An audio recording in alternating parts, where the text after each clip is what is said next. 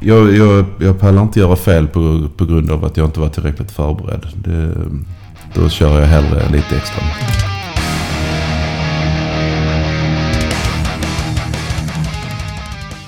Denna noggrant övande musiker är ingen annan än Rasmus Enborn.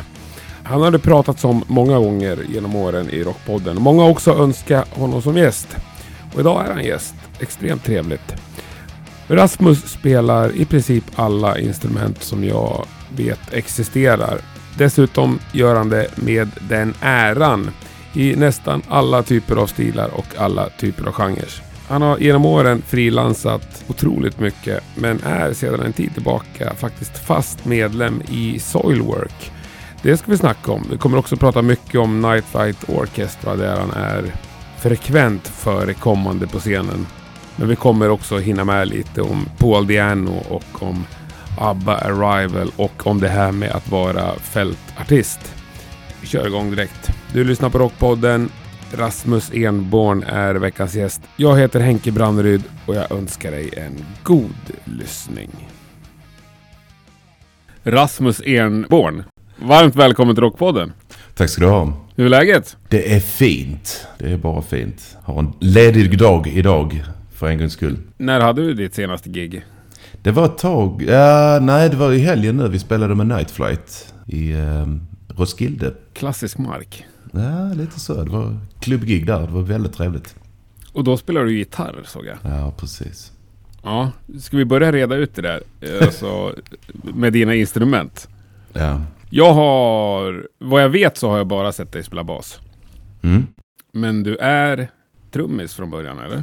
Det stämmer alldeles utmärkt. Jag började spela trummor eh, ganska tidigt på kommunal musikskola och sånt där. Och eh, senare så började jag nosa på lite andra instrument hit och dit. Och eh, fastnade för gitarr så jag jobbade som gitarrist i en massa år. Och sen under tiden har jag spelat bas och lite keyboard, lite andra, andra obskyra instrument. Så, men, ja. men har du en preferens nu vad du helst spelar eller? Nej, inte instrumentmässigt, absolut inte. Det spelar inte så stor roll sådär. Jag gillar ju låtar. Liksom. Ja, ja. Men när du började jobba som gitarrist, vad började du jobba med då? Då, då började jag som cover-gitarrist. Jag var ute och körde covers på afterski och, och sådana här grejer. Och sen eh, efter eh, några år av att ha gjort det så kom jag in på ett bananskal och började turnera med gamla Iron Maiden-sångaren Paul Diano. Just det, ja. Så gjorde vi det en massa år. Ja, hur var det? Ja, det var intressant. ja. Han är väl ganska risig just nu va? Han är på väg tillbaka nu. Han har ju precis fått en, en operation där han har fått ordning på sitt knä och alla andra ja, små blämbor. Och det var Maiden som gick in och sponsrade den där operationen? Precis, ja. de ja, pungade ut pengarna. Ja, skitsnyggt alltså. Ja, det var verkligen. Men han har ju varit kass. Han hade problem med att, och, med att gå och sånt där liksom redan när jag spelade med honom. Så det är skönt att han har fått sin operation nu. Ja, underbart. Men, nej, men det där med alla instrument. Du är ju en person som många ringer till när de vill ha med någon på turné och sådär. Ja. Är det liksom en av de första, är det den första frågan då? Vad vill ni att jag ska göra? Eller är det annat som är viktigare? Ja, det brukar ju faktiskt vara så att jag glömmer den frågan. Så den kommer ganska sent i samtalet. Ibland.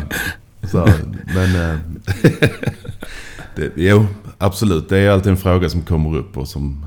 Äh, ja, ja någon, någon gång måste man ju lösa det antar jag. Men det är viktigare med datum och, och andra grejer liksom. Ja men det faller lite i linje med det också. Att, uh, jag, tycker det är, uh, jag tycker det är så mycket viktigare med musiken. Så att uh, vad man ska lira, det, mm. vilket, vad för instrument man ska spela. Det, det spelar inte så stor roll. Det är ju, man är ute och spelar bra låtar med bra folk. Liksom. Men hur bra tycker du själv att du är på... För det är liksom trummor, gitarr, bas och även keyboard kör du ju. Mm. Mm. Oj. vad svarar man på det? hur bra är jag? Vad ska man säga? Jag, alltså jag tar det väl för varje uppgift det är så att säga. Om man ska eh, spela bas i ett sånt band som Soilwork så får man ju spela på ett visst sätt för att det ska mm. göra de låtarna rättvisa.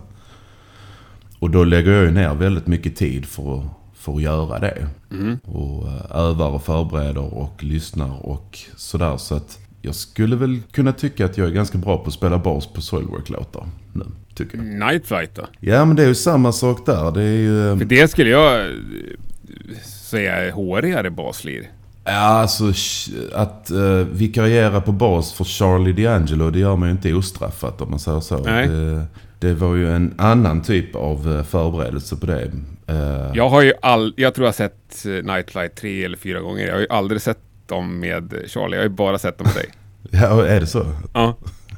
Nej men det var väl också en, eh, men det, då hjälper det också att jag och Charlie vi var goda vänner redan innan jag började hoppa in för honom i Night Flight. Så där har jag ju vetat vem jag kan ringa och fråga hela tiden liksom om Mm. saker. Och, och sen, eh, han har ju ett helt unikt sätt att spela bas på. Det, det går ju liksom inte att förklara riktigt hur det är. Liksom det, det är bara att man får lyssna väldigt mycket och, och sådär. Mm.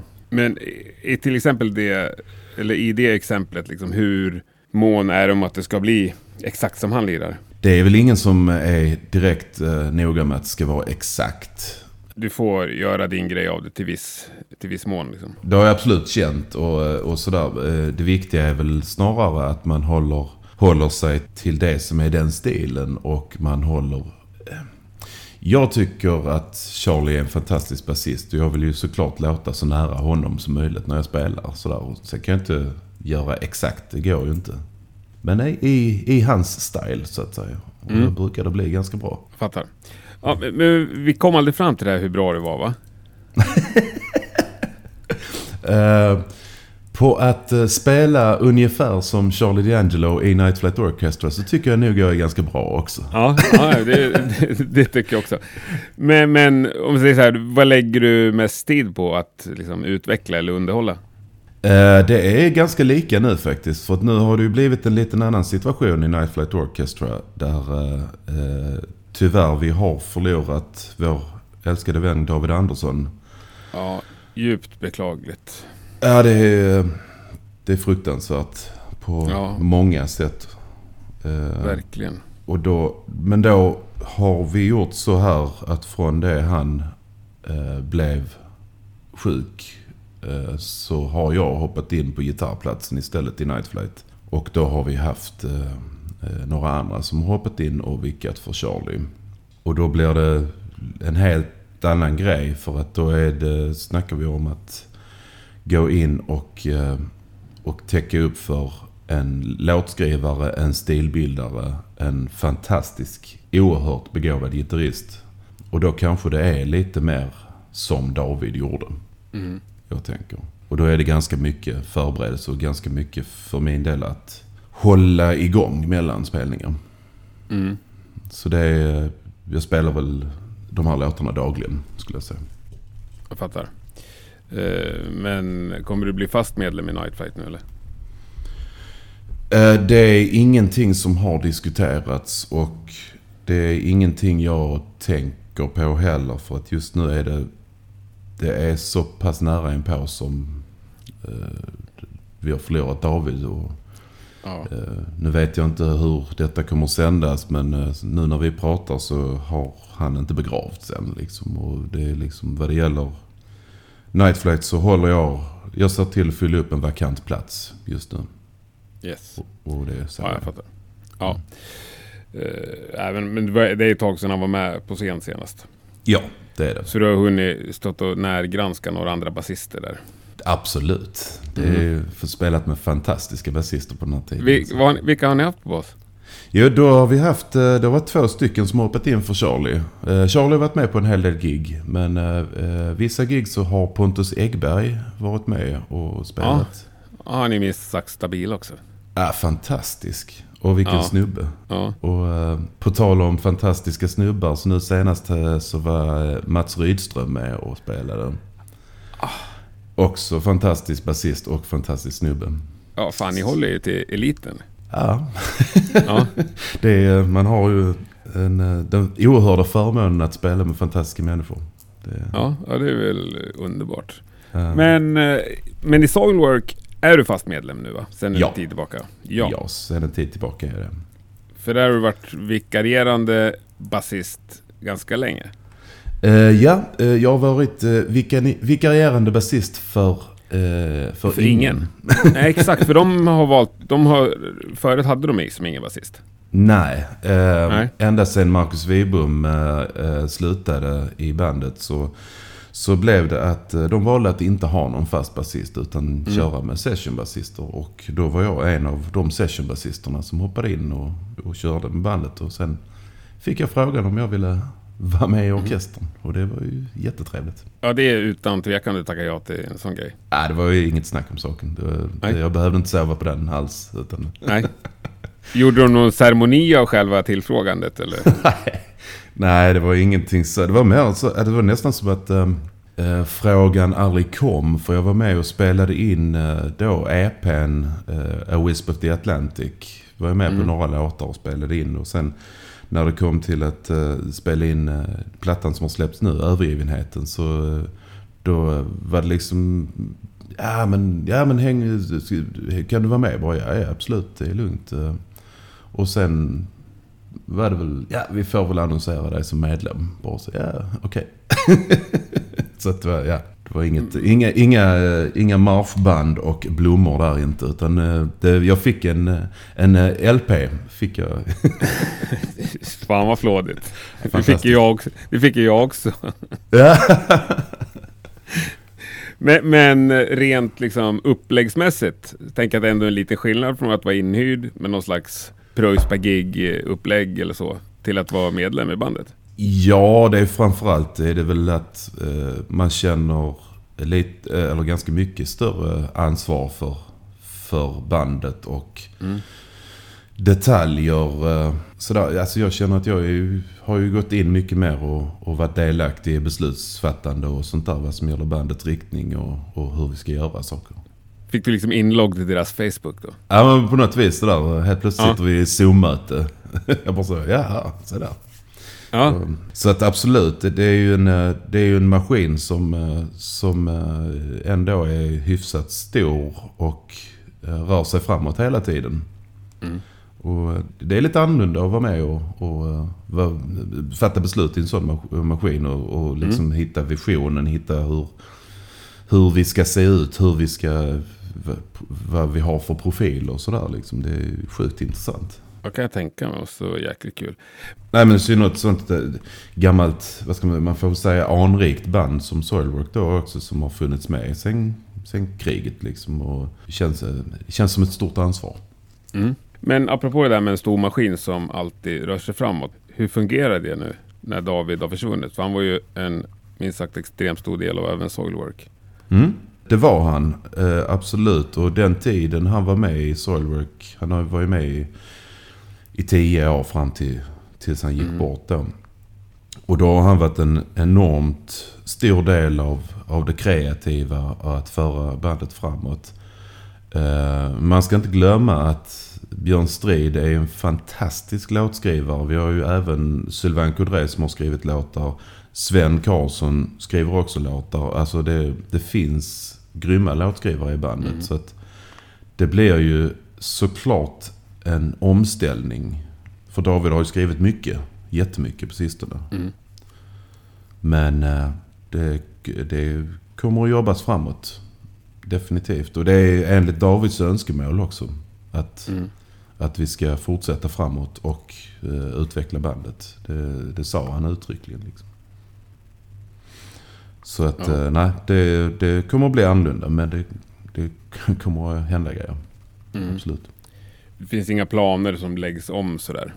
Nej, eh, vi, nej det, utan vi ska köra. Vi åker eh, nästa, är, vi åker till Australien om några veckor här och, och kör Mm. en turné. Och det, vi kommer att köra framåt. Eh, helt enkelt. Det är så vi har sagt. Härligt. Ja, hur känns det? Plattan är inte så gammal. Ett par Nej. månader kanske? Ja. Ja. Ja, den, är ju, den har ju fått jättefint mottagande tycker jag. Alltså det, och, eh, det är ju inte annat än att eh, i egenskap av gammalt Soilwork-fan så är man ju lite stolt va. ja, det förstår jag. Och nu är du med på insidan. Ja, absolut. Eh, Men du, jag, är så dålig på skånska dialekter. Är du helsingborgare du också? Nej, det är jag inte. Nej. Jag är från andra sidan Skåne, Simrishamn, ute på Österlen. Okej. Så eh, hade jag, hade jag använt den dialekten jag hade när jag var liten så hade du inte fattat ett ord kan jag säga. Jag har varit en del på Österlen, men det kan vara jäkligt knepigt ibland. Alltså. Ja, det har rätt i. Eh, Men jag har bott i Malmö i många år så att eh, det har blivit... Har väl städat min dialekt lite och nu har jag bott i Göteborg en massa år så att då har jag fått städa upp dialekt, dialekten ännu mer. Liksom. Så. Ja, men det tycker jag är rimlig nu i alla fall. Tack, tack. Ja. Uppskattas.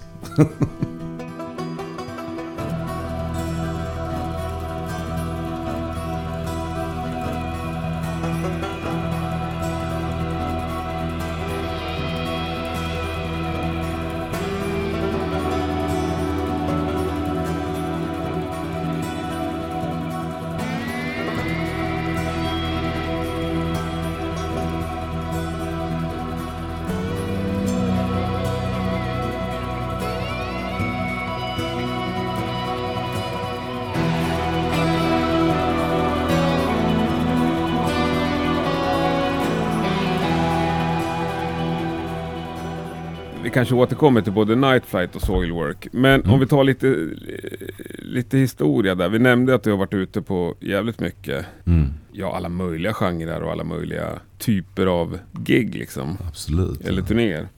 V- Vad har liksom varit viktigt för dig genom åren när du, till de grejer du väljer att tacka ja till?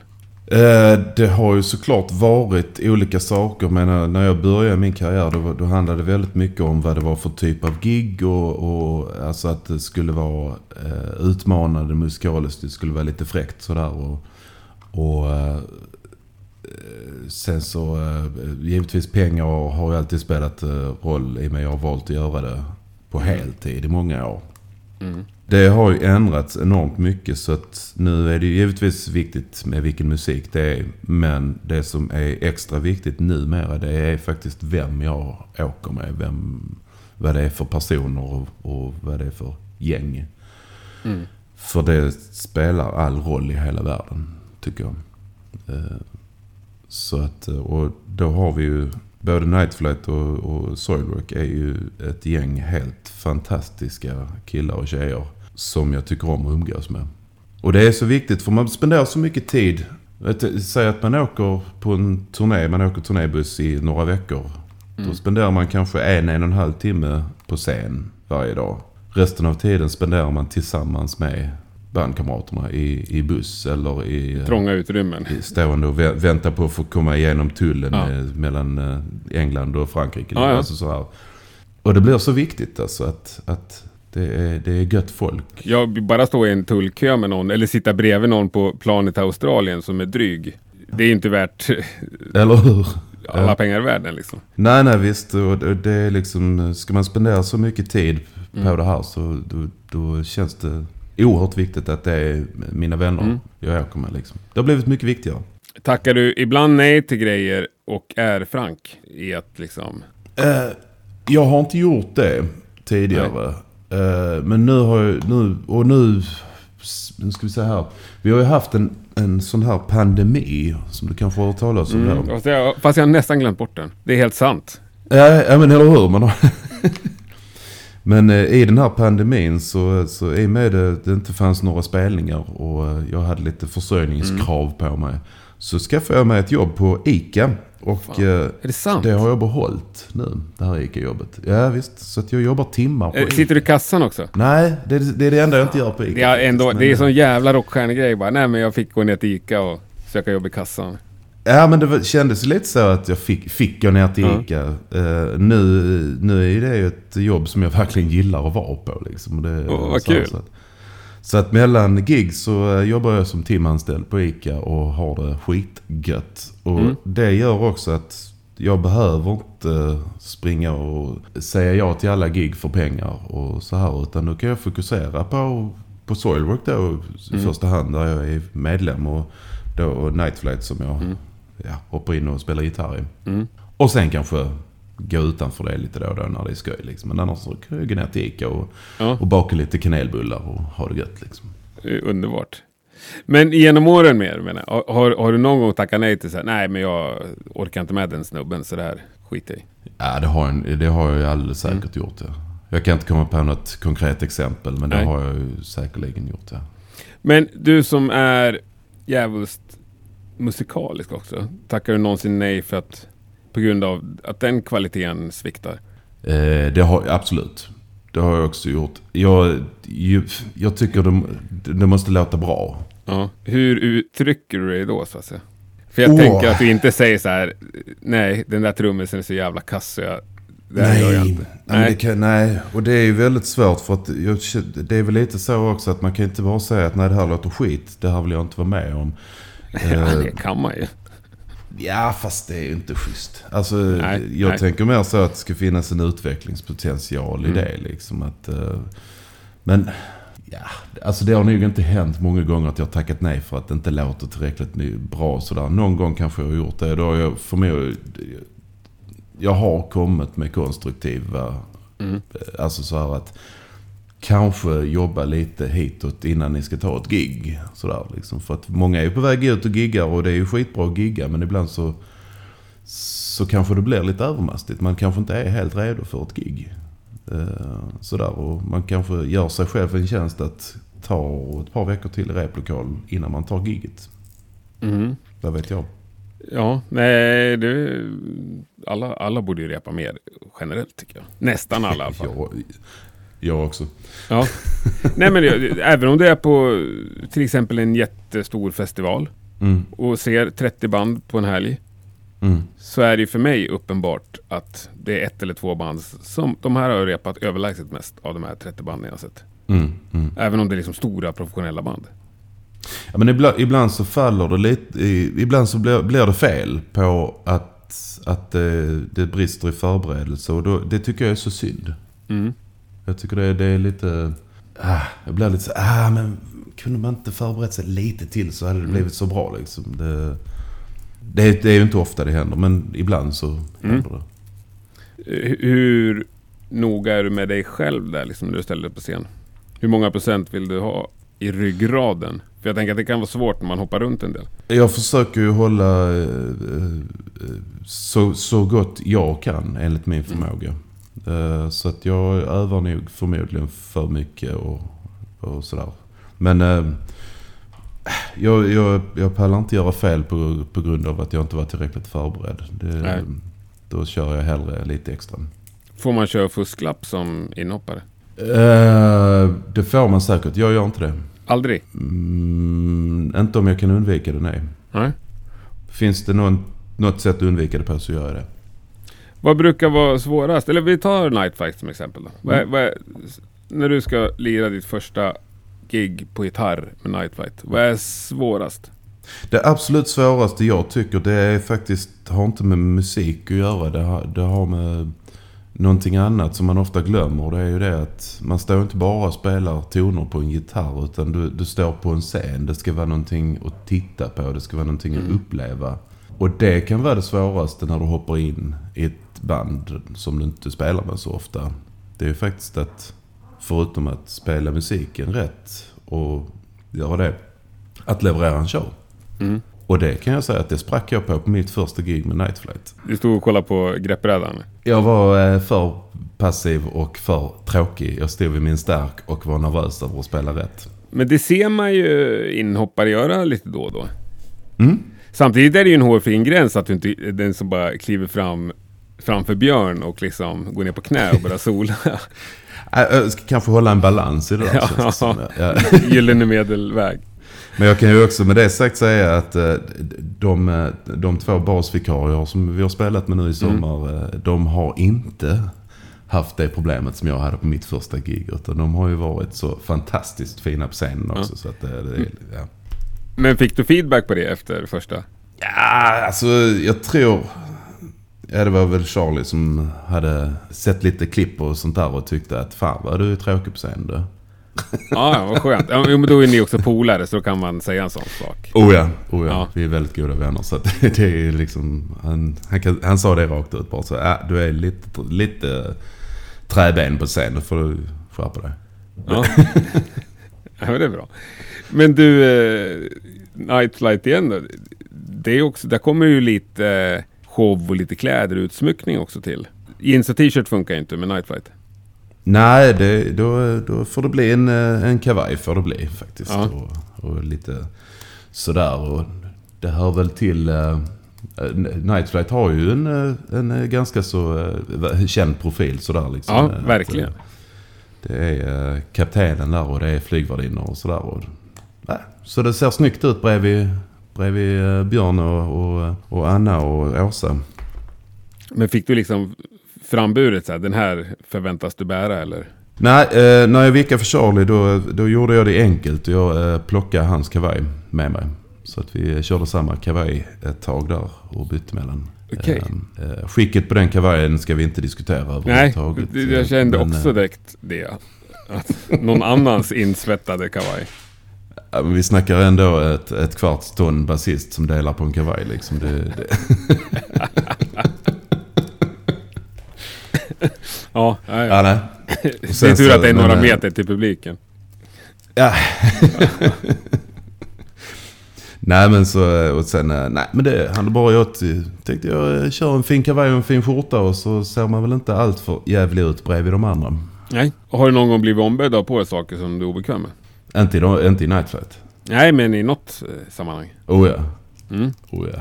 Man har ju, man har ju vickat i band eller hoppat in i, i eh, produktioner där eh, det ska vara en, en viss klädkod som inte kanske har varit helt upp min allé som vi säger. Det här blir ju så diffust om du inte bjuder på ett exempel. Ah. Nej men det, det har väl hänt att det i någon show det har eh, förekommit eh, paljetter eh, Mm. av ena eller andra sätt, eh, mo- modegenren där. Eh, och jag har tagit på mig paljetterna eh, under höga protester. Och eh, jag tänker att jag nog inte kommer upprepa det inom den närmaste framtiden. Nej, nej. Men det, det har förekommit paljetter. Det har också förekommit eh, eh, diverse tajta vita eh, spandexbrallor. Eh, Mm. det, det, har, det har funnits kläder. Ja, det- det, här var innan, det här var innan ICA-åren. ja, det Ja. var det. Eh, jo, men för visst var du ute och lirade med Ab, något av de här ABBA... Japp. Apropå spandex ja. Ja, vilket av dem? Det finns ju flera stora va? Eh, då åkte jag med ett band som heter Arrival. Eh, Ja. då, eh, det var ju en, vad ska man säga, det var en ABBA Tribute show. med en massa folk på scenen. Men det var en eh, svinstor produktion väl? Ja, det var det. Ja. Det var det verkligen. Och eh, de åkte ju framförallt eh, USA. Så att vi låg ju på turné ga- ganska, en stor del av året eh, i USA. Var du Rutger Gunnarsson då eller? Nej, då var jag gitarr och jag var Björn. Okej. Där. Ja. Shit. Så att, eh, eller rättare sagt, jag var väl enda gitarrist där för att eh, det, det... Ja, just det, det var bara jag. Så jag var väl en sån här liten blandning mellan Björn Ulvaeus, eh, Jenny Schaffer, Lasse Welander, Finn Sjöberg. Eh, Ja, ja. fick göra lite av varje där. Peruk? Nej. Nej. Där gick gränsen. Eh, Jag var, ja, det, det, där satte jag ner foten faktiskt. Ja. Nej, nej, nej. Jag har hår. Jag kör på det. Nej, det tycker jag du gjorde rätt i. Men det var roliga år faktiskt. Det var fantastiskt att eh, åka runt och, och spela på alla de här ställena. Liksom. Och, eh, Mm. Allt ifrån uh, stora jäkla ställen. Men fan, vi spelade på Red Rocks i Colorado. Det var ju helt fantastisk venue liksom. Så att, det är jag väldigt glad över att ha gjort. Ja, det måste ju vara en grym erfarenhet. Ja, verkligen. Absolut. Och fantastiska musiker där också. Ja. Och jag menar så, men det är klart att när du hoppar med i Soilwork och ni åker på världsturné så Ja men här har jag varit förut och lirat liksom. Alltså, du är inte grön. Du har inte bara stått i Sälen och spelat afterski så att säga. Nej, nej, nej, nej. Det har ju blivit väldigt mycket resor och väldigt eh, många delar av eh, världen så att säga. Mm. Och eh, många högt och lågt. Liksom. Det, jag brukar ju säga det att eh, som, som, som musiker och musikant så har du ju en enorm fördel och det är det att du är välkommen i alla nivåer av samhället. Mm. Du, eh, du kan eh, naturligt hänga både med Hells Angels och med kungen. Mm. Och du är en naturlig del av det. Och det är inte så många andra yrkeskårer som har den fördelen. Nej, verkligen inte. Men du, hur mycket, hur mycket studiojobb gör du och har gjort? Eh, det har varit i perioder också. Eh, men det har varit en hel del studio. Jag började min, min eh, musikaliska bana eh, med att eh, jobba i en liten stu en studio i Trelleborg. Där eh, det ble, ibland blev att man fick bara så här eh, städa upp vissa spår och göra om vissa grejer som kanske... Jag kommer ihåg det var någon jättebra basist som hade spelat på en grej men han hade ett jordfel i sin bas så att det knäppte. Och då var, blev mitt jobb att, att göra om de basspåren precis som han hade gjort dem. Mm. Sådär, så att det har varit, lite från och till och sen så... Men som du fick cred för, eller han fick cred för på skivan. Nej, det är, många grejer får man inte cred för. Nej, men, det- men då är ju lite sån eh, nighttime eh, basist, eller vad kallar man det, som kommer in efter stängning. Ja men lite spö, spökbasist och Ja. ja. spökgitarrist. Det har, väl, Ja. det har varit ganska mycket sånt för min del. Fan vad spännande. Ja men det är roligt. Eh, Men sen så även då så... eh, Gjort något gig med någon sån här house-DJ. Där man eh, så här, spelar en gitarrpryl och helt plötsligt hör man sig själv på Energy. vil- Vilket är skitmärkligt. Mm. Ofta hör man inte låten när man spelar in sina delar. Och då, då är det bara så ja men en gitarr den ska vara så här. Och så spelar man det. Och sen helt plötsligt, jag kommer ihåg att jag stod och diskade någon gång i min lägenhet i Malmö. Och bara så hörde, lyssnade på Energy och bara så vad fan det här känner jag igen. Vad är nu detta? Och tog en stund och sen kom jag på att ja, men det är ju jag som lirar. Var det, är det någon hit eller? Eh, just den låten kommer jag ihåg, det var John Desson, uh, Wild Roses.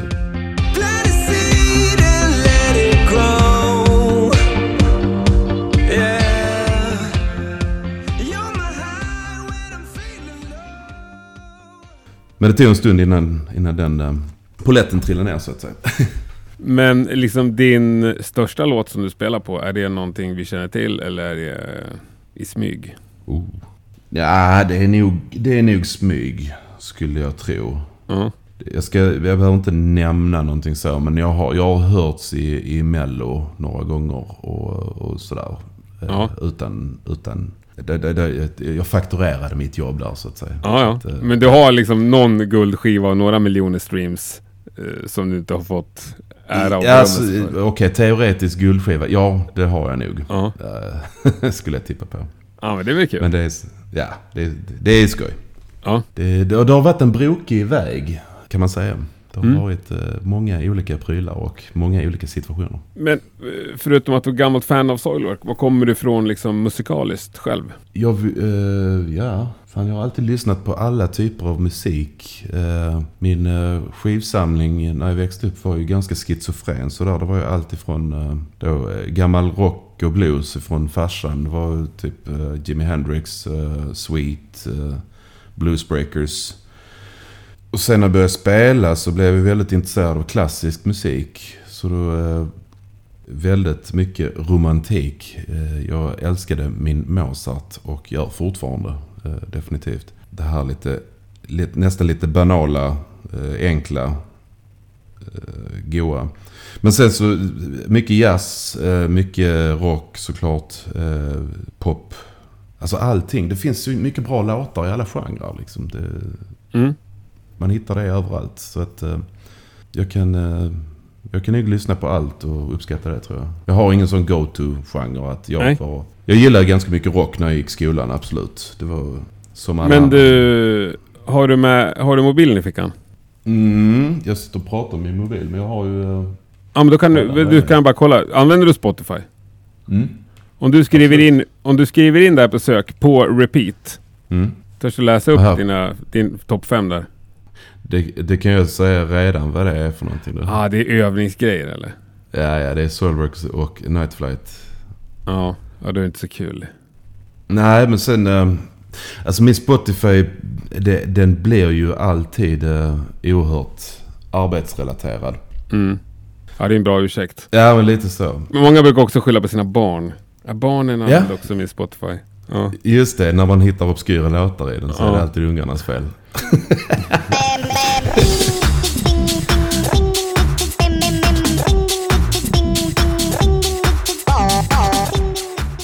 Sen har jag en, en annan eh, del av mitt eh, musicerande och mitt liv som, eh, som betyder väldigt mycket för mig. Det, det är ju någonting som heter Försvarets fältartister. ja, det har jag sett. Har du sett det? Ja, Ja, jag har sett det på din Instagram. Ja, jag har haft några gäster tidigare som varit med där. Jaha. Eh, några som har pratat om det också mycket. Rebecca Meiselbach tror jag. Ja, Rebecca, ja absolut. Hon är med va? Ja, För hon tror jag var nyrekryterad och nyutbildad. Hon var inne i det där. ja. Jo, men hon, är, ja, hon har ju varit med ett tag nu i alla fall. eh. Men eh, ja, absolut. Rebecka känner jag ju. Ja. Eh, vilket är, det är ju en oerhört trevlig grej och då, då det, det handlar ju om att man åker, eh, eller ja, en del av det är att eh, åka ner till eh, där Sverige har militärpersonal Mm. och personalvårda, göra gig för dem och, och sådär. Och en annan del är då att göra när Livgardet fyller, hur mycket det nu är, så 874 år eller vad fan det är. Mm. Eh, när, eller när det är sådana här fester eller det är ceremonier och sånt där så eh, används Försvarets fältartister. Och då, då har jag den oerhörda förmånen att vara en av dem. Måste vara sjukt kul. Och stimulerande liksom. Fantastiskt vettigt. kul alltså. Inte bara spela för fyllskallar varje dag. Ja, men jag brukar säga det att jag, fan, jag är en av de få som har uh, lirat gitarrsolo bakom huvudet i Mogadishu. Det är du. Och, och det, det, det är sådana grejer som man får uppleva liksom. Det är Mm. fantastiskt eh, trevligt. Ja, överlag. att Lira i Mogadishu är inte så många som har gjort. Nej, det är det Nej. inte. Och det, Hur var det? Eh, det- är som du brukar säga, det, det är liksom att, att vara, spela med fältartister. Det är, det är ofta eh, ganska så mycket samma repertoar som man spelar i vanliga cover och festsammanhang och sånt där. Men man spelar dem på ett annat ställe där det betyder någonting helt annat. Mm. Eh, och för de, den personalen, de soldaterna som är ute på, på eh, sina insatser och sina uppdrag. Så är det liksom en, eh, en, en personalvård som hamnar ofta mitt i deras insats.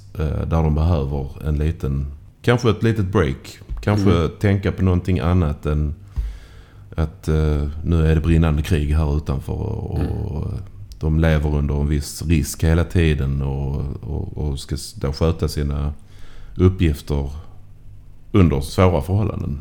Mm. Och då funkar vi lite som en ventil för dem.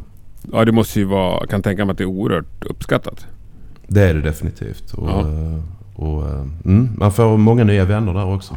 Och svårt att säga nej till extra nummer. ja, det går inte. Lirar man med... eh, För ni kör ju uniform. Ni är ju klädda som militärer liksom. På, eh, på vissa insatser, ja det gör Ja. vi. Och då har ni det även på scen? Ja, Ja. Ja, absolut. då blir ni ju ett gäng i gänget. Men hur, hur, när ni åker till Mogadishu, hur länge är man där? Det är olika. Det beror lite på vilken eh, typ av insats man gör. Men Mm. eh, Mogadishu, vi gjorde en vecka. Det är ju ganska lite svensk personal i Mogadishu. Så att Mm. eh, vi behövde inte... Vi kunde vara på ett ställe och sådär. Så då gjorde vi några gig där. Och sen så hann, hann man med och, och gå och snacka med, med soldaterna. De vill ju ofta visa det de gör. Ja. Och, och, och sådär. Och det är ju sjukt intressant liksom att se deras vardag och sådär. Det är få förunnat att eh, få en inblick i det där. Ja. Vart har du med varit? Eh, utlandsinsats så har jag också varit i Mali. Shit. Ja. Och hur fan var det? Eh, det var också... eh, Ja, det är, alltså, speciellt är ett ord som kommer upp ganska Mm. ofta. Men det, det är nog det bästa ordet jag kan komma på. Det är, det är så unikt eh, att, att få lov att komma dit och se deras vardag. Och, och samtidigt leva lite med den, den stressen och den pressen som de upplever att det är i en krigszon. Och det, är konflikt som pågår utanför murarna på det här militärkampet som vi är på. Sådär, så att det, det hänger ju över en hela tiden och hänger över dem förstår jag ju liksom ännu mer. Det, det är oerhört eh, givande, det är oerhört eh, eh, utvecklande. Mm.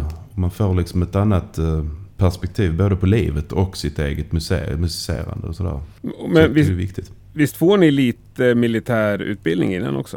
Eh, vi får eh, en anpassad utbildning eh, av det så kallade gröna, det militära. Eh, där vi eh, lär oss det vi behöver. Vi går ju inte beväpnade. Nej.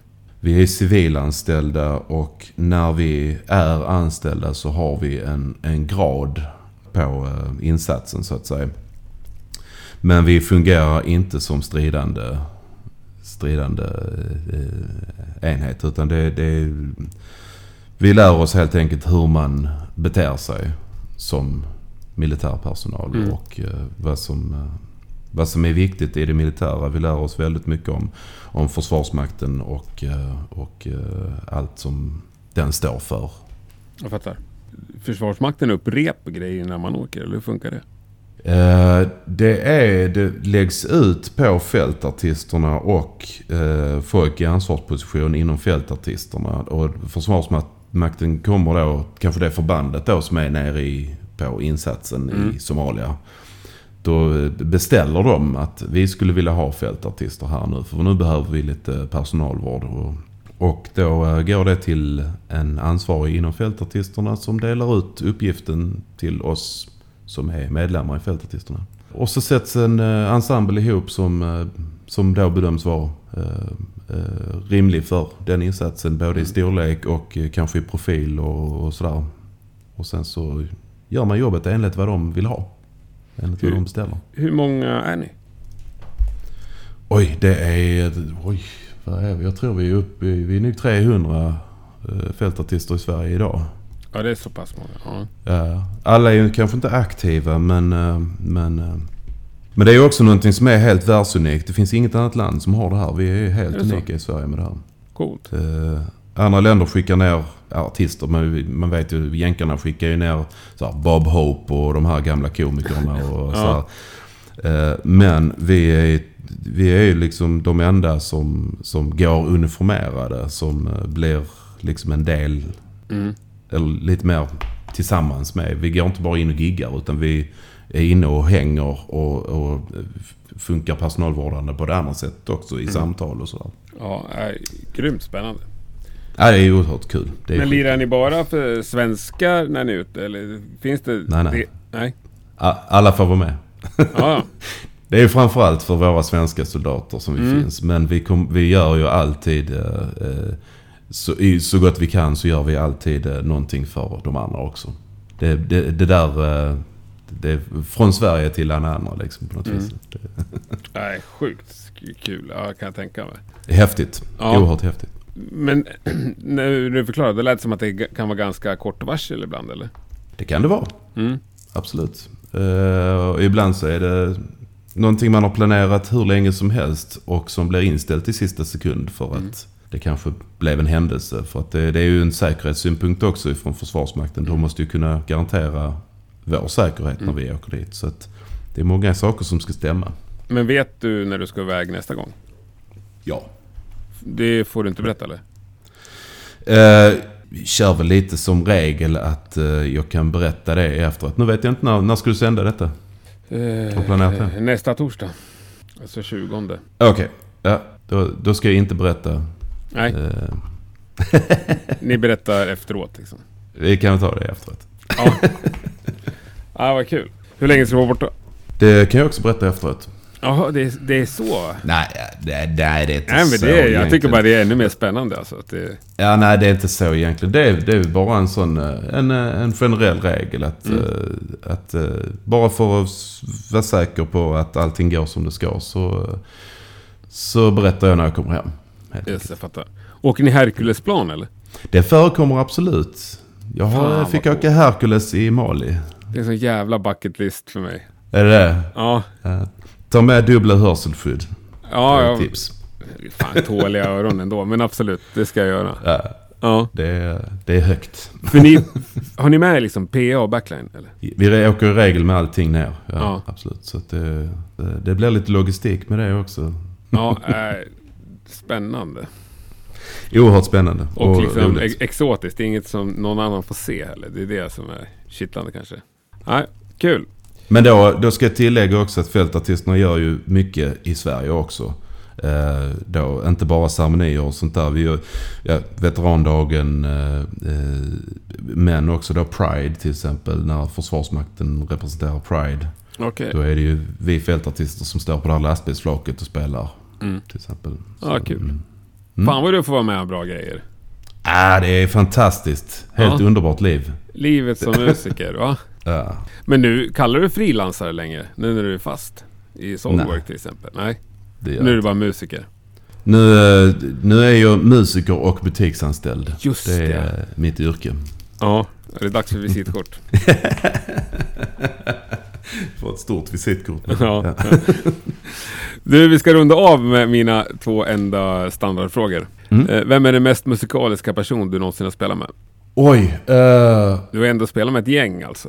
Och jag måste välja en alltså. Ja, helst. Någon vinner ju varje tävling. Ja. Eh, jag får nog säga eh, David Andersson. Snyggt. Och eh, nu känns den här frågan platt efter det, men vilket är Sveriges mest underskattade band? Åh, uh, får jag säga Soulwork? Du tycker de är underskattade? Nej, det tycker jag absolut Ja, det inte. Nej, men und- oj, underskattade band. Ehm, nej, jag tycker... Fan, finns det några sådana? Det finns väl eh, lyssningstips som jag tycker man ska lyssna på. Mm, Ehm, spännande. det, nej, jag har... Nej, Nej, jag kommer inte på något alltså. Inte Det, det finns så många bra band och... Jag vill inte välja ett. Alltså. Nej. Vill du välja en låt vi ska avsluta den här, det här avsnittet med? Ehm, är, det, är det helt fel att säga en Night Flight-låt? Absolut inte. Då tycker jag Something Mysterious. Night Flight Orchestra. Den blir det. Underbart att få en bra stund med dig. Ja, vad kul att snacka med dig. Trevligt. Så hoppas att vi hörs och ses snart igen. Absolut. Stort tack för att du tog dig tid. Tusen tack. Skitbra. Ha det gott. Tja! Då har du lyssnat på ännu ett avsnitt av Rockpodden. Stort tack för det. Ja, eller vad vet jag. Det kanske var ditt första. I sådana fall ska du känna dig varmt välkommen. Det finns eh, drygt 290 avsnitt att backa tillbaks till om så är fallet. Gillar du inte att backa så kommer ett nytt avsnitt nästa torsdag som kanske blir ditt andra. Ha det gott allihopa. Tack och hej.